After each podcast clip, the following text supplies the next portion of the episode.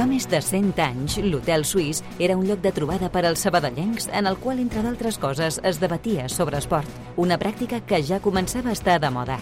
Un segle després, continuem amb aquell esperit històric d'una ciutat estretament vinculada a l'esport.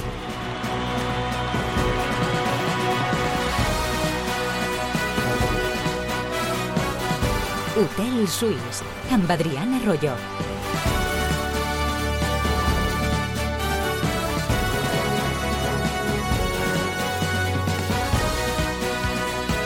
Què tal com esteu? Al Centre d'Esports es veurà les cares diumenge a terres viscaïnes amb un bon grapat d'exarlequinats, com Dopi, com Caixe, com Sergi Puig o Armando Corbalán.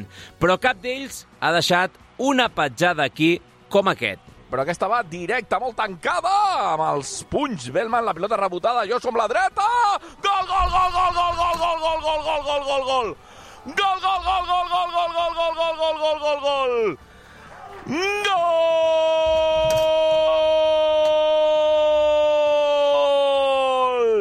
Del Sabadell! Joshua Oscoidi! Quina fuetada amb la dreta! Per temporades, per protagonisme, per tot el que van viure en aquella època i, per què no dir-ho, per com és ell. Com a jugador i com a persona, Josu Ozcoidi ha deixat un grandíssim record aquí a la Nova Creu Alta.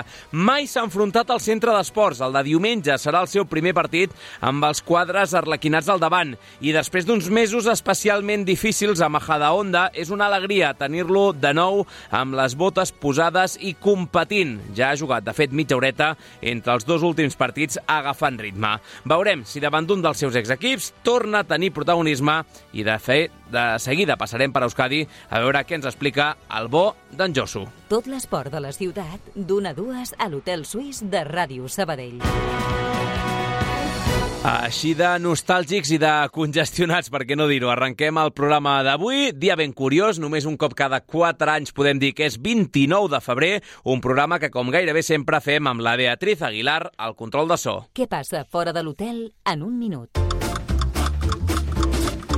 D'entrada, el que passa és que la Nations League femenina és el segon títol de tota la història de la selecció espanyola de futbol femení després del Mundial de fa uns mesos. Ahir, victòria a la final per 2 a 0 contra França, a qui mai havia guanyat Espanya, a la Cartuja de Sevilla, amb els gols de les blaugranes Aitana Bonmatí i Mariona Caldentell. Avui, tornada de la segona semifinal de la Copa del Rei, a dos quarts de deu a Sant Mamés, Atlètic Club Atlético de Madrid. L'equip del Cholo Simeone haurà de remuntar un 0 a 1 sense Antoine Griezmann si vol enfrontar-se al Mallorca, que ja espera des de fa un dia i mig a la final.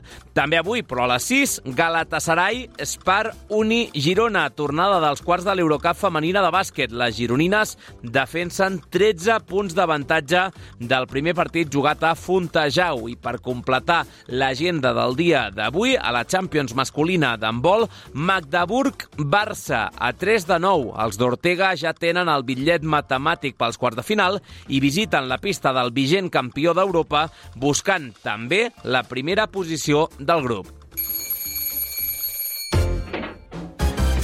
I aquí el sumari de l'Hotel Suís.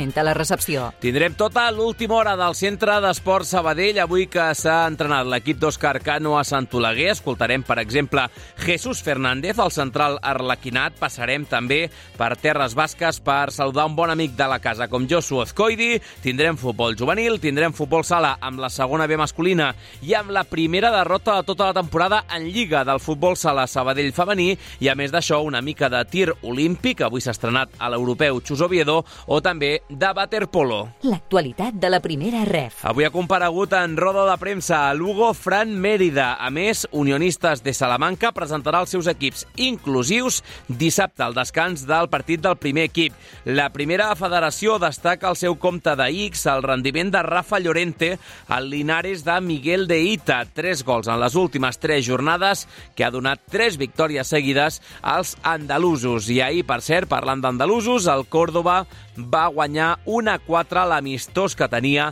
al camp del Montilla. La notícia curiosa. Detinguda la mascota de l'Internacional de Porto Alegre acusada d'abús sexual. La curiositat és que és l'equip on milita ara Hugo Mallo, acusat d'haver abusat en el seu dia precisament una mascota, la de l'Espanyol. De quin partit no estarem pendents? Le Puy contra Estat Renat a 3 de 9 quarts de final de la Copa Francesa. I a les xarxes socials? El Leganés promou una iniciativa per les malalties estranyes. Des de l'escalfament demanen als aficionats pepineros que vagin a Butarque a veure el Leganés Eibar que posin una enganxina a la lot del mòbil que trobaran al seient per fer un mosaic lluminós de colors que representen aquestes malalties. Avui celebra el seu aniversari. I ni que sigui per l'anomalia de ser 29 de febrer, avui ens saltarem el que és habitual. No buscarem gent relacionada amb Sabadell, bàsicament perquè no n'hem trobat cap, sinó amb l'esport en general. Un 29 de febrer, a més del president del govern, Pedro Sánchez, també van néixer Ferran Torres, del Barça, o Valenciaga, ex de l'Atlètic Club, ara rival del Sabadell, al Deportivo de la Corunya. L'Hotel Suís. Una manera diferent d'entendre l'esport.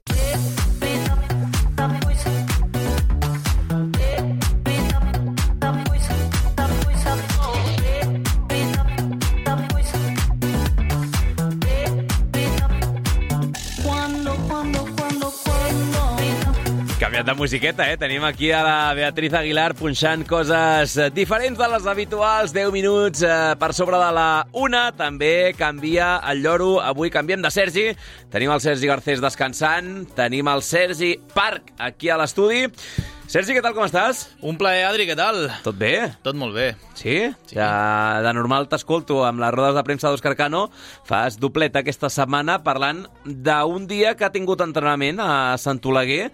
No sé si hi ha moltes novetats o no al centre d'esports. Escolta, la setmana, la setmana passada també vam fer tu i jo la prèvia al dijous que vam fer el tema del Tetris, no? Pot Era... ser? No, dijous... O va ser, o com va ser això? Ah, sí, pot ser, pot ser, pot ser. Va ser aquí a l'estudi? Sí, ja ni me'n sí, recordo, sí, eh? sí, sí, sí, és veritat, és veritat. Que el Sergi també es va lliurar pel que sigui, perquè em sembla que treu dies d'aquí i d'allà, no, Ah. no sé què fa, és igual, no, hi- no, no hi entro més. Va, com deies, uh, pel que fa a l'actualitat del Sabadell, Adri, com deies, entrenament a Sant Oleguer, si hi ha novetats o no, doncs no gaires, la veritat. Uh, sessió amb normalitat, i respecte al que podem tenir diumenge a les Llanes, pel que fa al capítol de lesionats, doncs tampoc hi ha massa novetats. A l'espera de veure com evolucionen tots els futbolistes tocats en els pròxims dies. Al final el que s'espera és que Àlex Gualda, que ja va entrar a la convocatòria, recordem, eh, el passat cap de setmana en el triomf contra el Real Unión, estigui disponible per jugar i la resta, doncs en principi seran baixa. Els tres de gravetat, més Ricard Pujol, més Carles Salvador, més Antonio Moyano, que està mm, sancionat i lesionat, és a dir, impossible 100% que pugui jugar, més a Melívia amb aquest eh, trencament eh, o aquest dolor al bessó que el deixarà fora de combat eh, les pròximes 5-6 setmanes eh, de competició. Saps on no hi ha novetats tampoc? A veure, A les Rozas. pel que fa a la designació arbitral, Sí, normalment a aquesta hora us oferim qui xiularà el Sabadell, etc. Uh, què tindrà la federació? Que les setmanes que hi ha algun partit entremig, ja sigui Nations League ahir, sobretot pel que fa a les designacions, perquè evidentment només faltaria que la Federació Espanyola designés l'àrbitre per una final de Nations League, però sí que a Copa del Rei hem tingut, per exemple, entretinguts a la gent del comitè amb la designació de la Copa, no sé si té a veure o no, però quan hi ha alguna coseta d'aquestes, la designació acostuma a sortir tard. Normalment surt a mig matí, uh, un quart de dues pràcticament. Tenim la de primera divisió, que ha sortit 11 i escaig 12. Tenim la de segona divisió, si vols, per exemple, saber qui xiula el Espanyol Huesca, doncs ho podem mirar. Serà... Home! Home! El del Muro del Coll, eh? Te'n recordes qui és o no? no. Saúl Ais Reig Ah, sí? Mira. d'un tracte... És igual, deixem-ho córrer. Uh, no seria l'àrbitre que millor record deixa amb el tracte amb els diferents equips. Però de la primera federació no tenim àrbitre encara. Haurem d'esperar una miqueta, per tant, eh, a l'espera de conèixer... eh, Una juguesca, els qui diu una una col·legiat, porra? D'on serà l'àrbitre? sí. Ostres. Mm, Avui, Mira. uh, gent que la toca em deia home, navarrès, aragonès... T'anava a dir això, un navarrès, eh, perquè queda allò a mig camí, Jo per dir alguna cosa. Jo he fet la broma. Fernández Buergo? Després de Zubieta anar al Bernabéu, tornar del fang amb el Sabadell una altra vegada o no? Mira, no, estaria bé. No, no acostuma a anar a encadenar dues de seguides, però vaja. També hi ha un clàssic, d'Ena Wolf, aragonès. Aragonès. Per això, que podia donar-se el cas, però vaja. En fi, que quan surti la designació en parlarem aquí, si és que surt durant el directe. De moment, aigua, aigua com la que tindrem a Sestao, segurament, diumenge.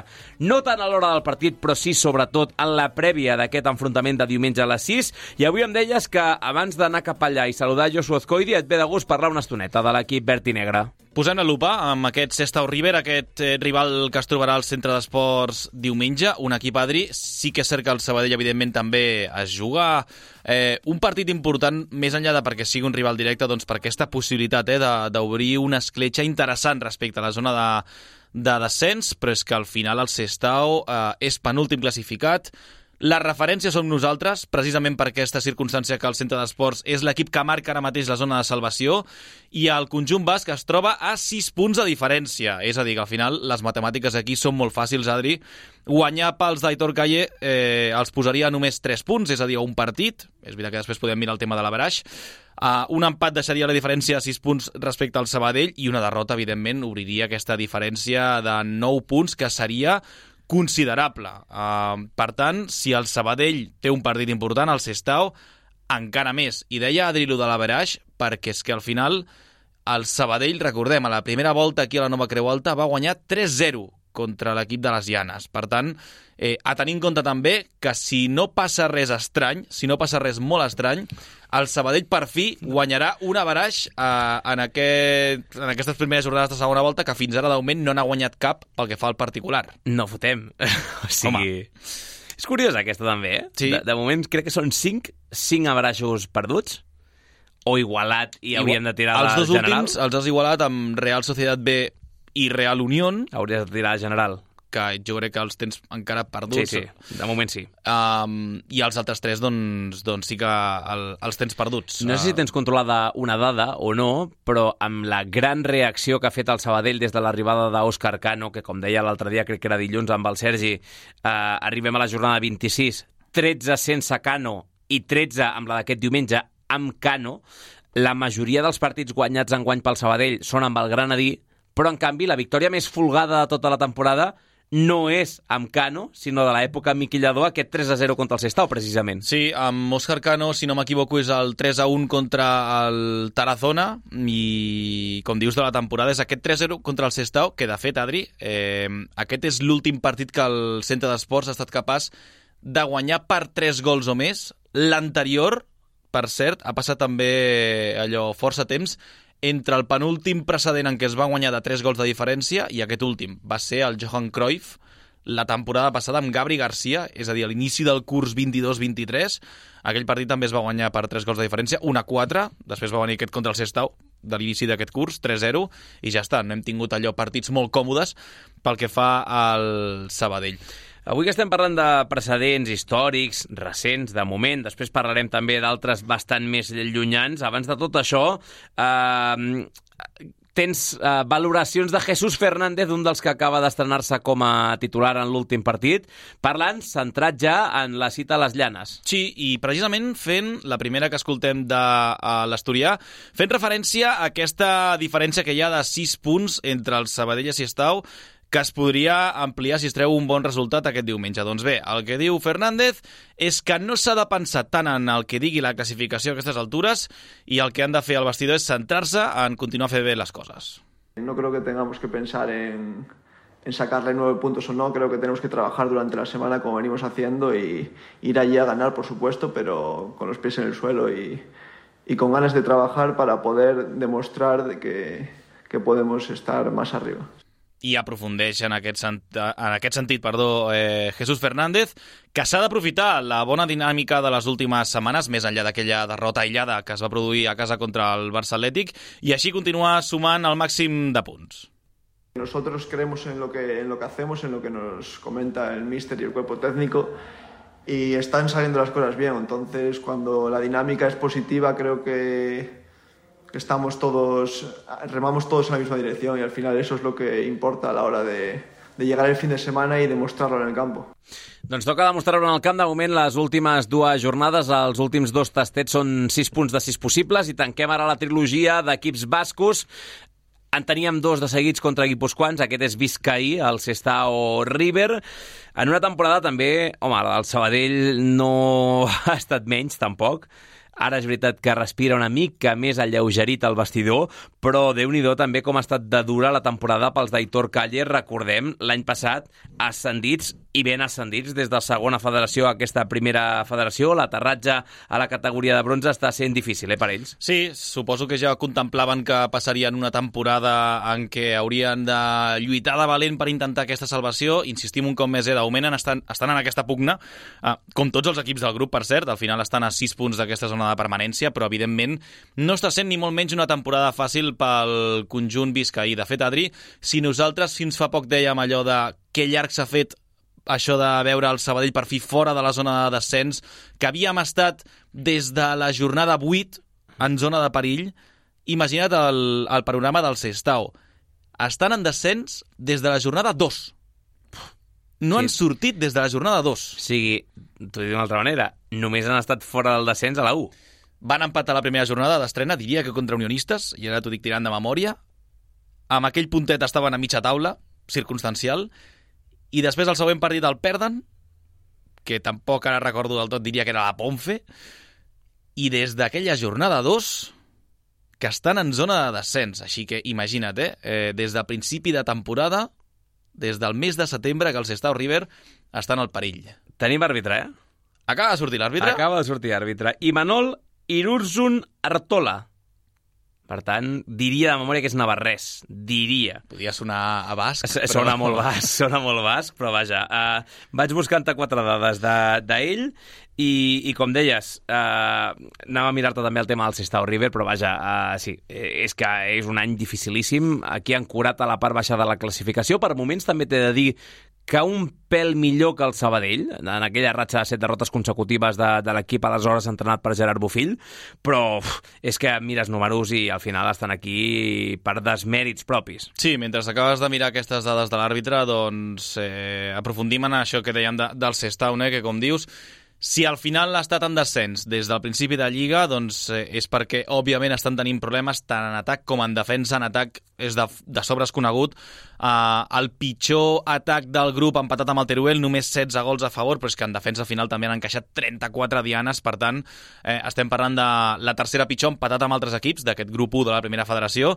I en tot cas, eh, entre unes coses i altres, per això tenim aquest Sestau penúltim amb 22 punts per tot, per tot. El mercat d'hivern ha estat també un dels principals sacsejadors. Si el Sabadell ha fet 13 moviments, aquests estau no tants, però sí que n'ha fet 9, 5 arribades, amb alguns exarlequinats, com, com després eh, escoltarem aquí a l'Hotel Suís, eh, i, i 4 sortides, 5 arribades, 4 sortides, en total 9, com diem, eh, 9 moviments que ha fet la direcció esportiva del Sestau per intentar revertir aquesta situació. Al final, doncs, eh, buscant aquest objectiu de la permanència, Adri, que, com no pot ser d'una altra manera, és l'únic amb el qual apuntaven ja des de les Llanes a principi de, de temporada. I com que estem parlant d'un club de recent creació, un club humil, eh, repassem una miqueta l'historial abans de marxar cap allà, cap a Euskadi i parlar amb, amb Josu Ozkoidi, eh, perquè, clar, o sigui, el, els més veterans segurament recorden eh, precedents bastants a la dècada dels 80, principis dels 90, si tirem cap enrere des dels 50-60 entre el Sabadell i el Sestao, però era el Sestao Sport Club, no el Sestao River, que és la refundació d'aquell club que va desaparèixer mitjans dels 90. Tal qual, sí, sí, al final estem parlant d'aquest Sestao River actual que es va fundar el 1996, per tant, no de l'històric, i pel que fa a l'actual, al modern, és que al final és un, un equip que ha viscut sobretot entre l'antiga segona B i la tercera divisió. Al final estem parlant que el 2021 jugaven a, jugaven a tercera, van aconseguir l'ascens a segona federació i, com deies tu, Adri, abans, l'any passat van assolir l'ascens a, a primera federació. Per tant, debuten en aquesta nova categoria de, de bronze, aquest Sestao River, que ara podríem dir que està vivint eh, el seu moment àlgid des d'aquesta refundació, tot i que ara estiguin doncs, amb aquest panorama complicat per intentar la supervivència en aquesta primera federació. Al final, com diem, eh, eh bon moment per ells, institucionalment també sembla que estan trobant aquest equilibri o aquesta tranquil·litat. De fet, fa poques setmanes, Adri, el seu president Ángel Castro va revalidar, va revalidar el càrrec Uh, va ser un procés electoral ràpid, perquè de fet va ser l'única candidatura, la seva, que es va presentar, i ara viurà la seva tercera legislatura. Per tant, en àmbits generals, per dir-ho així, aquest club humil com és el Sestao River doncs està vivint un, un bon moment a l'espera, això sí, de veure com acaba aquesta temporada de Primera Federació i pendents de si el club és capaç de sobreviure en aquesta categoria de bronze. I més enllà de l'estabilitat com a club, eh, és una obvietat, però busquen consolidar-se en aquest primer any a la Primera Federació i sempre parlem de la dificultat d'anar al nord, del tipus de futbol. De seguida li preguntaré també al Josu a veure quin partit espera, preveu ell, coneixent com coneix el futbol basc en general i les llanes en particular particular, però és una evidència que si el Sestau River vol tenir opcions de permanència, totes passen per, pels partits que juguen a casa. I aquest diumenge encara més, eh, per aquesta situació de la classificació que hem anat eh, comentant en aquests minuts, un partit que es juga a les llanes, ahir ho dèieu amb el Sergi Adri, eh, un escenari que espera tenir una bona presència de públic, eh, amb aquest Escola Eguna, en què han repartit eh, des del de Club Vizcaí 3.000 entrades a la canalla, Eh, així que veurem eh, quina és la presència de públic d'un estadi que té 4.300 i escaig d'aforament. Eh, veurem si té bona entrada o no, però tot fa pinta que sí, tot i que, tot i que i ho deies abans també, Adri, um, la meteorologia veurem quina és. A l'hora del partit ara mateix eh, la previsió és que no plogui, però sí durant les pròximes hores i durant tot el cap de setmana. Així que veurem també quin és l'estat de la gespa i si en el moment del partit doncs, eh, acompanya o no uh, la meteorologia. Uh, tot per jugar-se, per cert, en aquest mític camp de les Llanes, Adri. Eh, un estadi centenari, eh? 1923. Avui hem estat de trivial, eh, la redacció amb aquest tema. És que feia gràcia perquè, clar, la pregunta que ens feia més era, és, eh, és l'estadi més antic de l'actual Primera Federació, dels actuals 40 clubs que conformen la Primera Federació? A mi m'ha sorprès, perquè jo, per exemple, tenia en ment Estadium Gal i per molt poquet, crec que era del 29, però vaja, de la mateixa dècada dels 20, però no és l'equip Irundarra qui té l'estadi més antic de la categoria. Riazor també déu nhi però no tant com aquests eh, bascos que comentem. 1923, les llanes, eh, per això. 100 anys i pocs mesos, eh, perquè diria que és del setembre del 23 que es va inaugurar aquest eh, mític estadi de les llanes, per tant, eh, també estan de, de celebració en aquest sentit eh, en, a, en aquest estadi. Eh, I, per cert, un escenari on el Sestao sembla que està agafant la forma per fi eh, a aquestes altures de Lliga, perquè ni a casa ni a fora estaven rendint especialment bé els d'Aitor Calle, especialment a fora perquè al final és el pitjor visitant de, de, la, de la Lliga, d'aquest grup de la Primera Federació, però a casa com a mínim en els últims 5 partits no han perdut, han sumat 9 punts de 15 possibles, així que sembla que estan agafant volada, sembla que estan aixecant el vol els bascos com a mínim jugant a casa.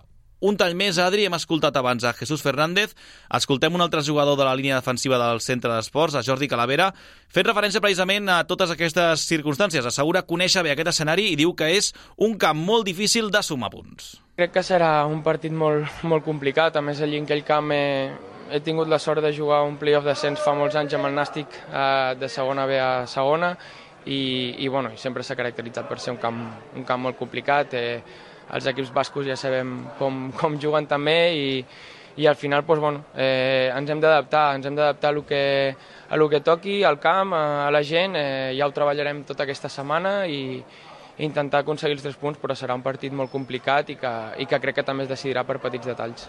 Matís, per cert, les Llanes, el camp més antic del grup 1. Perquè un altre grup 2. Sí, sí, I, i que a més eh, va complir el centenari estant al Sabadell allà sí. el dia del gol de Diego Caballo, és veritat. que és el Collau del Coi. Collau del Coi. Serviria, eh, una mica el símil d'estadi de, petit, de històric... Eh, m'agrada, m'agrada aquest, aquest tema. 1921, l'estadi de l'Alcoyano, el, el Collau. El Collau hem anat bastant en els últims anys. A, a les Llanes, en canvi, Adri, no, per cert, no. feia ara 32 anys. Eh, que Ens hi estrenem, els de Ràdio Sabadell. Sí. Uh, ah, no, no treballaves aquí fa 32 anys. No treballava en lloc. Treballen amb els meus pares canviant-me els bolquers i poca cosa més. 1992, eh? la última visita de, del Sabadell al Sestau es va perdre 2 a 1. De fet, crec que les últimes visites allà es van saldar amb derrota 2 a 1. Tot i això, tot i això, el balanç allà no és del tot dolent. Eh? 4 victòries, 2 empats, 7 derrotes. Ahir, Adri, feies allò un fil recordant alguns d'aquests precedents històrics a les llanes del Sabadell. Per tant, com diem, eh, els últims no van sortir del tot bé, però esperem que el de diumenge sí que allargui aquesta tendència general, que al final és bona. Mira, al final, bé de futbol serveixi molt per a aquestes coses. Uh, tu veus la gràfica dels precedents històrics contra el Sestao Sport, no contra el Sestao River, i al principi hi ha molt verd i al final molt poc. Uh, estem parlant que en les primeres 11 vegades que es van enfrontar els biscaïns amb els arlequinats, només una derrota, va ser 4-0, però la majoria eren victòries, o sigui, eh, 8 victòries del Sabadell, dos empats i una única derrota en els primers precedents. En canvi, del 90 al 93, en els últims 6 precedents van ser 3 empats i 3 derrotes seguides, o sigui que no deixa el millor record possible eh, pels últims que van passar per allà per, per les llanes. Vols dades d'Airurzun Artola o no? És Navarrés o no? És Navarrés, de Iàbar, 35 anys, currículum peculiar el seu, eh? Et sona, no, per això el nom o no? Em sona, em sona. I Sí, un altre, un al altre que me n'alegro que sigui més veterà que nosaltres. Uh, bé, hauria de mirar, eh? Depèn de quin mes sigui, potser no ho és, eh? Amb tu... no- Ah, amb tu... Ah. Compartim 35 anys. No sé exactament de quin punt de la pel·lícula és, però vaja. Uh, 2017-2018, aquest bon home puja a segona divisió B. L'any següent el baixen a tercera. L'any següent torna a pujar a segona B. Encadena dos anys seguits a segona B, però quan es fa el tall de les noves categories no passa a primera federació, sinó a segona federació. Mm -hmm. El tornen a ascendir i, per tant, ara porta dos anys més a primera federació. 4,87 grogues, estem parlant d'un àrbitre d'una mitjana normaleta tirant a baixa, una vermella cada 5 partits, dos precedents amb el Sabadell, els dos a la nova Creu Alta, un d'ells contra l'Alcoyano, precisament, Mira, cap victòria arlequinada. del Collano quin és? El Un 0-0... 0-0 0-0 de la 22-23 i la derrota d'enguany contra la SD Logroñés 1 a 2. I per últim, que, per cert, va expulsar un jugador de la SDL i diria que és l'únic partit que hem jugat amb superioritat traient el de Zubieta de, de l'altre dia. Doncs Crec, eh? Que és, el que, és una circumstància que aguantàvem l'altre dia, diria. t'estàs eh? marcant Mira. un triple aquí sense saber si, si hi ha aigua o no a la piscina, tu estàs saltant, però sí, em sona, em vol sonar aquesta dada. I l'última, amb el Sestao River, un únic precedent, és d'aquesta temporada i serviria bastant perquè és contra un altre equip català que també lluita per eludir el descens.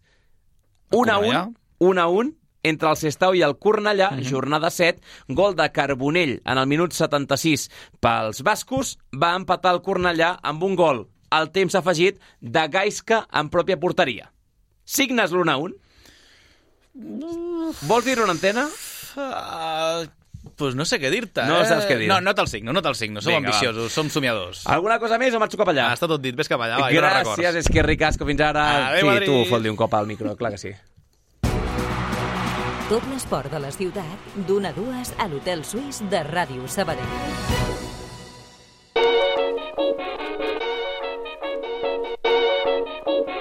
Portes giratòries.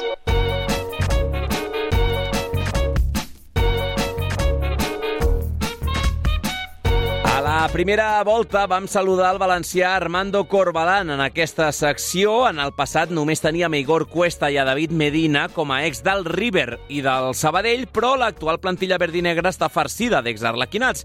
Els Sergi Puig i Dopi, òbviament també d'Armando, se li han sumat al gener Caixe Aizpuru i qui ja ens escolta, Josu Ozcoidi.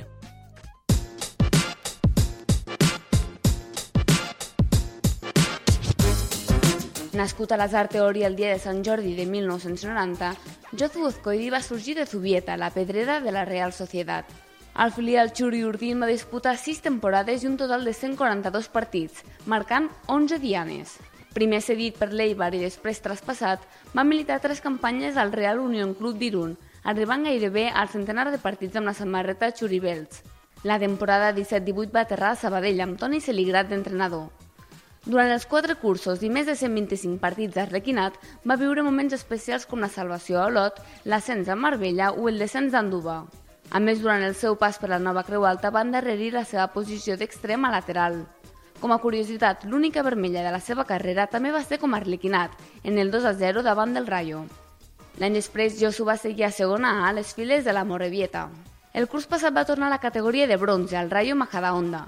Després d'una lesió greu i mig curs especialment complicat al conjunt madrileny, des del gener és nou jugador del Sestao, jugant ja un quart d'hora contra el Nàstic i el Celta Fortuna.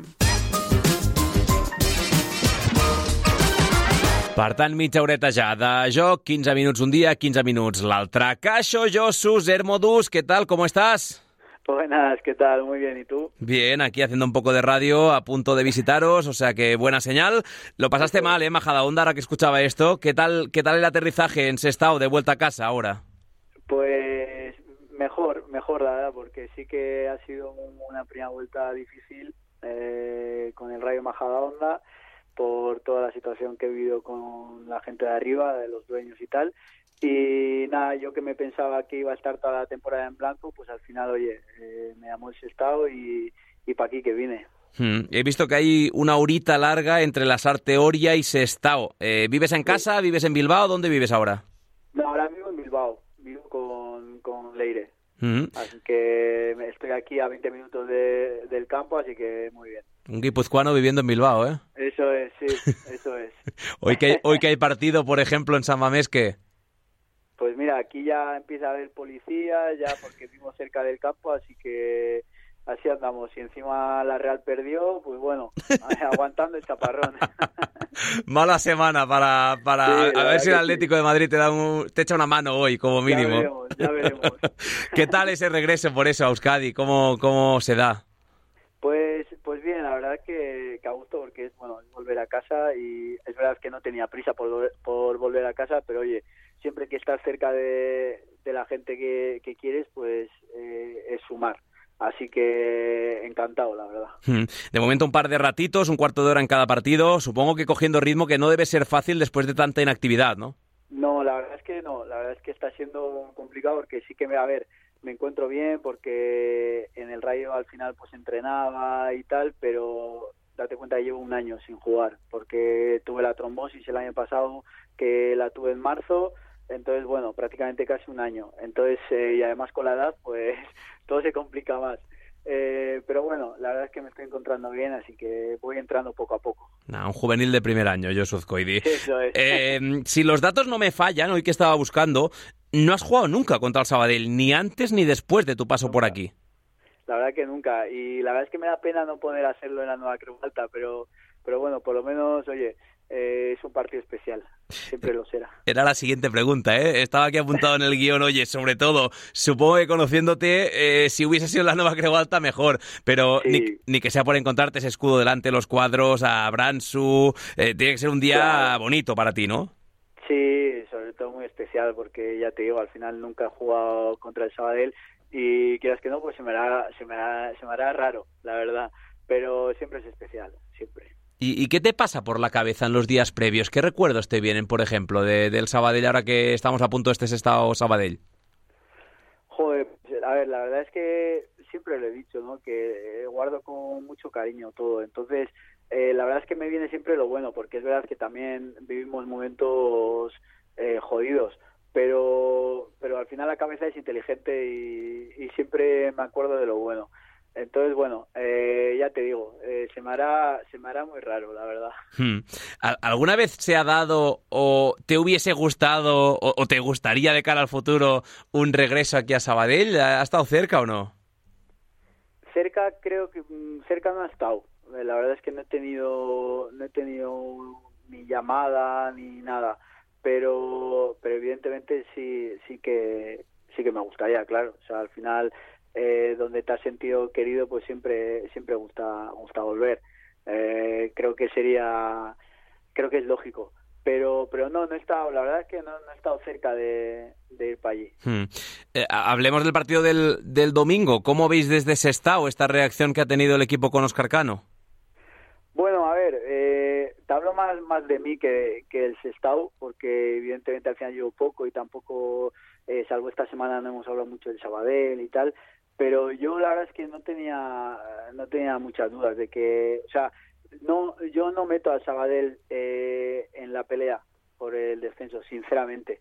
Eh, además, Oscar, Oscar Cano ya, ya ha hecho esto eh, en otros equipos, con el Castellón también, eh, y por el equipo que tiene que tiene el Sabadell no, no tengo dudas. Eh, ya sabes que luego el fútbol te da lo que muchas veces no quieres. Pero, pero sí que yo pienso que el Sabadell es normal que haya pegado el, el estirón, pero espero que ahora se frene un poco, por lo menos este fin de semana. eso lo decía todo el mundo, Josu, eso de, no, el Sabadell no estará aquí, pero llegó a estar casi a 11 puntos si pierde contra el Tarazona el primer partido del 2024, que al final desde fuera, aquí nos acostumbrábamos mucho a que los de fuera nos decían, no, no, tranquilos que el Sabadell no estará ahí, pero aquí se ha pasado mal realmente este año. Hombre, normal y además que estéis acostumbrados también a eso. Entonces, a ver, es normal porque una cosa es eh, el equipo que tú tengas y los jugadores que tú tengas, pero eh, la temporada se puede torcer tranquilamente y, estuvo torcida y pues eso, pues gracias a que no perdisteis contra el Tarazona, si no son 11 puntos y eso es eh, son muchos puntos. Pero claro, eh, cuando tú hablas sobre el papel, sobre el papel de Isabel no tiene que estar ahí. Luego es verdad que el fútbol, sobre todo la primera ref y sobre todo el primer grupo que es el nuestro, eh, ya hemos visto, mira, el Teruel le gana al Nastic 0-2 en casa de en Tarragona. Nunca sabes. Hmm. Aquí la lectura que hacíamos es que otra victoria arlequinada deja al River a nueve puntos más el Average. Me dices que, que allí no pensáis tanto en que sea un duelo directo por más que, que os quedaríais a tres puntos solo del Sabadell. No, a ver, eh, eh, sí que pensamos. Yo personalmente no lo pienso en cuanto a que ahora, evidentemente, si ganamos, estaríamos a tres puntos y eso es un chute de energía para nosotros, pero pienso que a la larga creo que igual hay equipos que se van a meter antes en descenso que, el Sabadell. Hmm, bien explicado. Pero, pero sí que sí que en el equipo pensamos que es un duelo directo, evidentemente, por los puntos. Hmm. Básicamente porque si ganamos son tres puntos. Es una buena oportunidad ahí de, ir implicando a, rivales. Acabo, oye, ¿qué, tipo de partido tenemos que esperar de cara al domingo? Porque hay previsión de lluvia, si no me equivoco, y empezamos ya con el tópico del fútbol vasco o lo dejamos en el cajón. Bueno, puedes empezar si quieres, la verdad, porque tampoco te alejas mucho. O sea, al final el Sabadell me imagino que, nos habrá visto partidos, lo, lo tendrán estudiado y venir aquí es difícil. Eh, entonces, bueno, el campo me imagino que estará pesado y eso es la guerra. Entonces, bueno, veremos a ver que gane el mejor o nosotros, vaya. tú estuviste muchos años en Zubieta, en Gal, por lo tanto tú sabes lo que es ese tipo de fútbol, pero ahora llevabas unos años, bueno, también a Morevieta, es verdad, pero habías estado en Sabadell, en Majadahonda. Eh, ¿Supone un, un, cambio de chip decir, venga, vamos, eh, incluso a veces literalmente al barro por el tipo de fútbol quizá más directo, más físico, o no te supone un esfuerzo? Sí, o sea, a ver, eh, yo también a ellos, a, pues al entrenador y a, los jugadores, yo les he dicho, joder, yo cuando jugaba en la Real, a mí no me gustaba venir a las llanas a jugar, no me gustaba porque eran partidos muy, muy difíciles, muy duros. Y yo con 20 años en el filial de la Real, pues imagínate, no me gustaba nada, pero evidentemente he cambiado mucho y sí que es un poco cambio de mentalidad, pero ya no me cuesta. Es decir, he aprendido mucho en el fútbol, me he amoldado a todo, entonces no, no, no cuesta. Hmm. La última buena colonia de exarlequinados tenéis allí en Sestao, ¿eh? Sí, eso es, sí. La verdad que cuatro o cinco, ¿no? Creo por ahí. Sí, Sergi, Armando, Dopi, Cache y tú, cinco. Eso eso imagínate. ¿Se habrá hablado esta semana del tema o no? Va, pues tampoco te creas, ¿eh? Que mucho, ¿eh? ¿eh? La gente está centrada centrada en lo que en lo que toca y tampoco tampoco hemos hablado mucho de, del Sabadell, sinceramente. O sea, de, del Sabadell como equipo que vamos a jugar contra ellos, sí, pero no como ex arlequinados. Que seguramente que seré yo el más ex arlequinado. Sí, por, por partidos, por partidos y por buen recuerdo, seguro, seguro, que sí. Si puedes recuperar el podcast luego, que al inicio hemos eh, puesto tu gol con la derecha en Fuenlabrada, que seguro que recuerdas también en segunda división. ¿Le pegaste bien aquel día? Sí, le pegué bien, sí, la verdad que mis dos últimos goles han sido con la derecha, porque el año pasado también le metí a la culto con la derecha, así que imagínate. Y la única roja, y la única roja con el Sabadell, ¿también lo recuerdas eso? Eh, la única roja en el Sabadell fue contra el Rayo, ¿no? Sí, exacto, el 2-0. Eso es, sí, es verdad, la única. Nada, o sea, tú, tú dejaste huella aquí, pero el Sabadell te ha dejado huella también a ti, a, a Sin duda, sin duda. Yo sé que sea leve hoy con lo de San Mamés, ánimo y nos vemos el domingo por allí por las llanas. Un abrazo, cuídate mucho, amigo. Gracias, nos vemos, chao. Escolta el programa quan tu vulguis al podcast de l'Hotel Suís.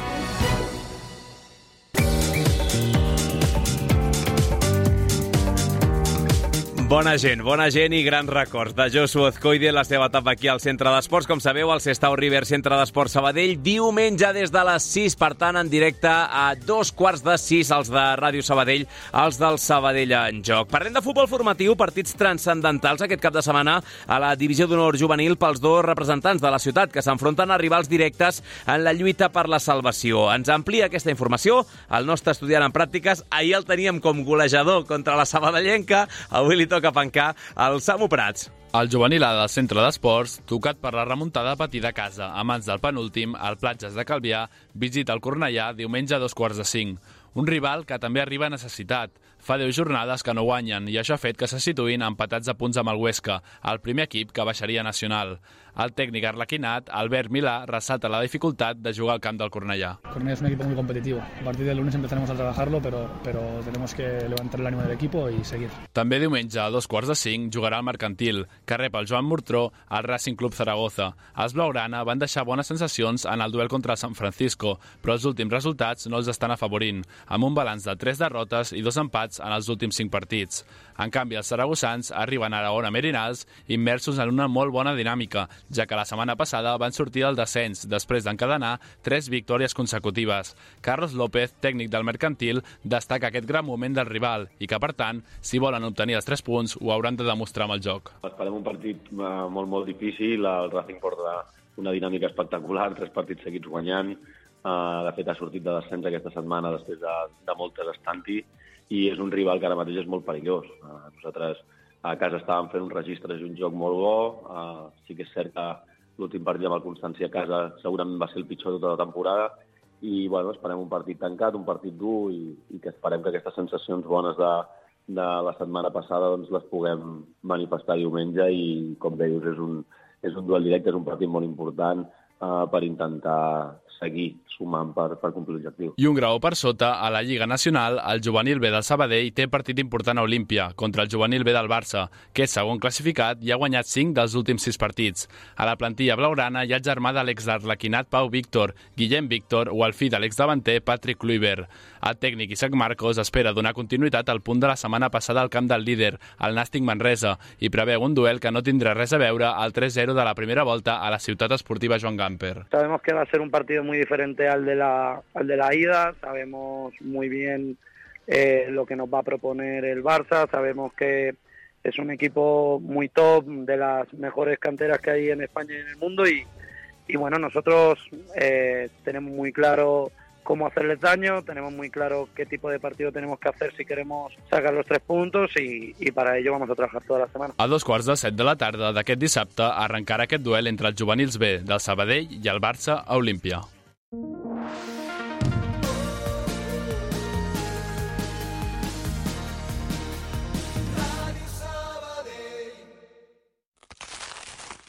un panarra. T'agrada el pa de debò? Cruixent, amb molla esponjosa i l'aroma de l'autèntic pa. A Valero també som uns apassionats del pa. Del pa de veritat, del de sempre, del que vam aprendre a fer fa més de 60 anys. Per això, elaborem les nostres especialitats com abans, respectant la tradició, perquè puguis tornar a gaudir del plaer de menjar pa. Perquè a Valero som forners. Som del Sabadell. Agafa l'autobús. Viatja amb l'Atus. Trajectes més ràpids i directes, més connexions entre barris, nous horaris per afavorir l'intercanvi entre línies. Estalvia temps. Estalvia diners. Agafa l'autobús. TUS, Transports Urbans de Sabadell. D'una a dues, l'Hotel Suís, a Ràdio Sabadell.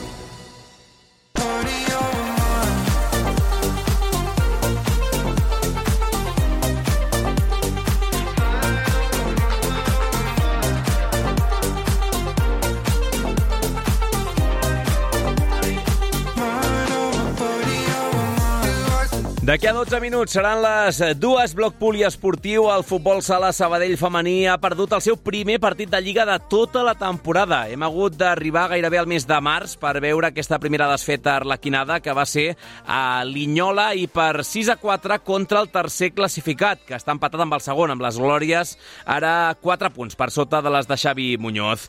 Maria Recio, titular al conjunt creualtenc a Linyola. Què tal, com estàs? Hola, bona tarda. Us diu ara en començar la Lliga que la primera derrota arribarà l'últim cap de setmana de febrer i segur que us signeu. Eh, sí, bueno, la veritat és que l'Inyol era un equip bastant complicat. Eh, bueno, eh, era el primer partit de la segona volta i ja a casa ens va costar, vam guanyar 4-3, però era un equip molt físic i un equip que a la seva casa sap jugar bastant bé.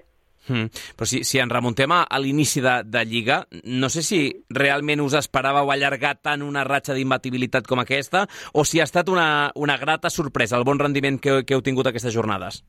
Bueno, des d'un principi, des de que va començar la pretemporada, ens hem preparat bastant bé per aguantar la temporada, eh, per intentar aconseguir el nostre objectiu. Per tant, el nostre objectiu de pujar i fer el play-off és un objectiu bastant, bastant gran que per aconseguir això eh, has d'intentar no, guanyar, eh, no perdre cap partit. Per tant, has d'estar preparat per això. Sí que és veritat que eh, la primera derrota arriba després d'una volta sencera, però sí que és contra un equip que, bueno, que era un equip bastant, bastant fort i que a la seva casa fa, fa mal, fa bastant mal. Mm. A més, vau començar guanyant el partit 0-2, per tant, és una llàstima, no? Sí, vam començar 2-0, eh, 0-2, i després bueno, es van ficar dos dos i sí que és veritat que tenen jugadores amb un xut molt, molt fort i de fet de sis gols, no sé si van ser com quatre gols, que van ser de, de xut exterior amb un xut bastant, bastant imparable, sí. Hmm.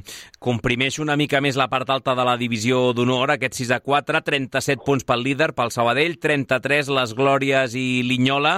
Ja deia el míster fa setmanes que la primera derrota arribaria segur, que s'havia d'estar preparat. Important ara, suposo, eh, mantenir la dinàmica que portàveu fins ara, no, no, no deixar lloc a, a cap dubte, etc. No, clar, teníem un avantatge de 7 punts, ara ja no tenim 7 punts, però sí que és veritat que tenim com una com un marge, però fins, per molt que tinguem aquest marge, no, no podem anar tranquil·les. És una lliga doncs, que hi ha, bueno, hi ha equips que estan a la part baixa que necessiten puntuar, equips que estan a la part alta com bé sent Linyola i Glòries que necessiten eh, també puntuar per poder apropar-se al playoff i per tant eh, és una lliga que, que queden partits, queda Glòries a la nostra casa, queda desplaçaments com Mataró i hem d'estar preparades per, per guanyar. Mm. 4-3 a la primera jornada, que deies que ja us va costar a casa contra el Linyola, 6-4 en l'estrena de la segona volta, per tant us han guanyat la baraix per només un gol. Eh, N'éreu conscients o, o ho heu tingut present o això és massa d'hora ara per estar pensant en aquestes històries? Pues la veritat és que no era ni conscient jo. No, no, no... Hem d'intentar eh, que al final de la Lliga no arribem amb, amb punts igualats. Hem d'intentar que si guanyem la Lliga sigui perquè eh, tenim més punts que els altres, no pensant en, ostres, si acabem empat eh, eh, ens han guanyat elles. No, hem de pensar que hem de guanyar per intentar arribar en aquest punt, perquè després en aquest punt poden passar qualsevol cosa.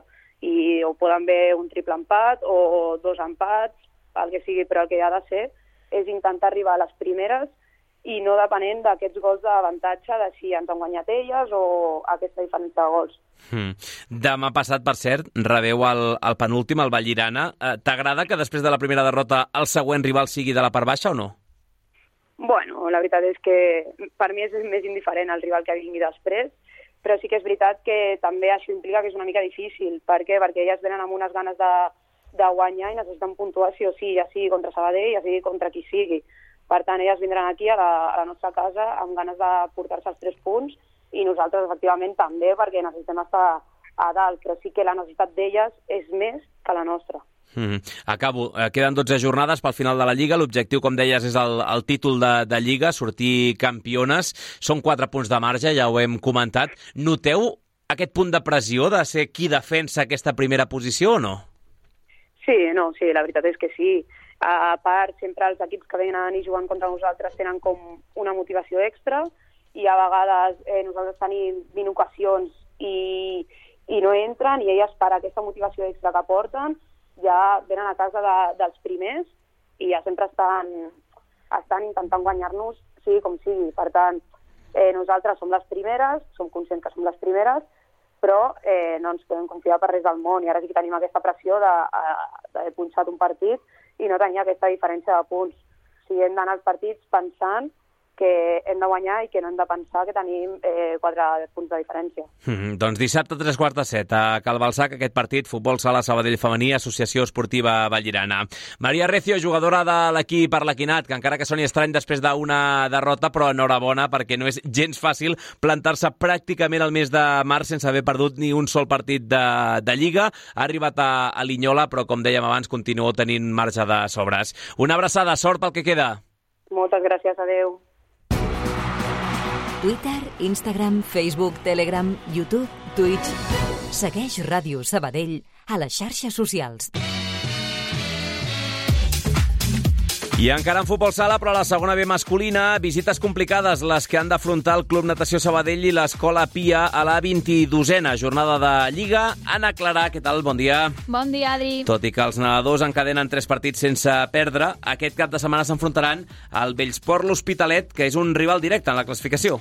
Els de Pau Machado, recordem, havien arribat a encadenar set derrotes consecutives, però en les últimes tres setmanes han sumat dos triomfs i un empat.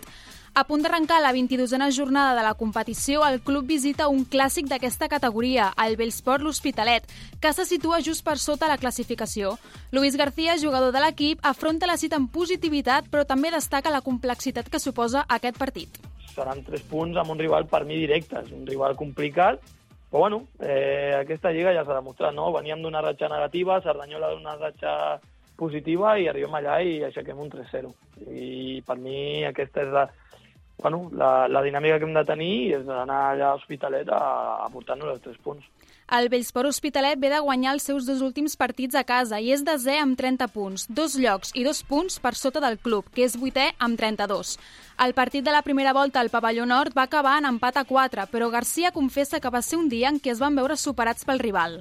A l'anada, per mi, és, eh, és, un, és un dels partits on, on, on jo m'he notat que el rival ha estat superior a nosaltres. Vull dir, és veritat, no va ser el nostre millor partit, vale? però és un equip, per mi, és un equip que està ben treballat, té bons jugadors, té, té, té individualitats molt bones eh, i sobretot doncs, ara jugant a casa, a la zona tranquil·la de la classificació també hi trobem l'Escola Pia. Els de Pedro Donoso són desens amb 30 punts i aquest cap de setmana s'enfronten al Canet a domicili. El conjunt maresmenc és 12 amb 23 punts i, com a curiositat, el partit de la primera volta també va acabar en empat a 4. L'objectiu del conjunt escolapi és lluitar per la zona alta, però la possibilitat de fer play-off sembla totalment esvaïda. Així tot, el jugador Dani Loitnant afirma que el, perdó, arribaria a una cinquena posició. Ahora nos vienen partidos que si sumamos y tal, quién sabe. A ver, nuestro objetivo a día de hoy está claro que nos hubiera gustado jugar un playoff. Va a ser difícil, pero a lo mejor llegar a una quinta posición, que creo que entraríamos en Copa del Rey y tal, creo que sería como nuestro objetivo ahora mismo. La derrota del darrer compromís contra el Mataró ha fet que el club hagi tornat a passar per davant de la Pia a la classificació. Actualment, el Natació Sabadell li treu només un puntet al conjunt escolap i els de Pedro Donoso esperen amb ànsies el derbi que hi ha en cinc jornades. Tuvieron esa racha mala de fallar bastantes partidos y es lo que nos ha hecho también engancharnos un poco con ellos. Nosotros creo que ahora estamos siendo más regular eh, y a ver, bueno, en el derby que no sé si quedan tres o cuatro semanas. Veremos a ver si podemos conseguir esa mi revancha y estar por encima de ellos. Tema horaris, doncs tant el Canet Pia com el Bellsport Natació Sabadell arrencaran dissabte a les 6 de la tarda. Gràcies, Anna. Fins ara. Adeu. I informacions en format més breu. Xus Oviedo ha estat 12è d'Europa de tir olímpic per parelles mixtes. En Paula Grande, l'equip espanyol ha signat una puntuació de 627,6 punts a menys de 3 del podi. Prenien part un total de 46 parelles a la cita a Gior, a Hongria. Aquesta tarda són els entrenaments oficials individuals i demà a 3 quarts de 12 la competició a la qual el de Badia del Vallès es juga el bitllet olímpic per París 2024. Recordo Recordem que aquest europeu proporciona dues places més pels Jocs. I l'Estalpol masculí segueix les passes del femení i torna a la competició domèstica amb una victòria còmoda davant del Sant Feliu. Tenia la baixa de Costa Berca, l'equip de Quim Colet, però no va patir gens per derrotar el Cué per 18 a 11. Mateix rival, mateixa hora i mateixa diferència de 7 gols que un dia abans les noies de David Palma, Josep Bonet, Stefan Vidovic i Blai Mallarac van fer 4 gols cadascun en un partit encarrilat ja en el primer període. Dissabte a tres quarts d'una visitaran el Mataró en el darrer compromís abans de l'anada dels vuitens de final de l'Eurocup contra el Turcoing francès.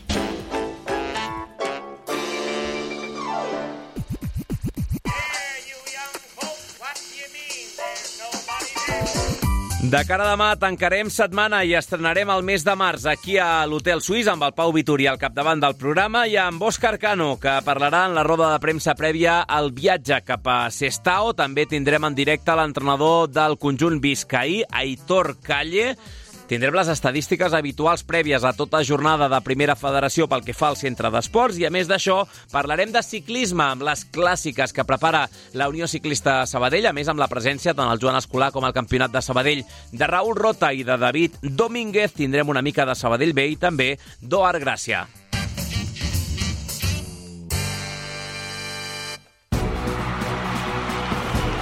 Va, que marxem. Podeu recuperar, com sempre, el programa, el podcast de l'Hotel Suís a radiosabadell.fm, abraçada des del control de so de la Beatriz Aguilar. I només em resta dir-vos allò tan típic de que passeu un bon dijous i que ara arriba el Notícies Migdia, avui amb la tornada també de la Núria Garcia, al capdavant de tota la colla d'informatius. Que vagi molt bé. Adéu-siau.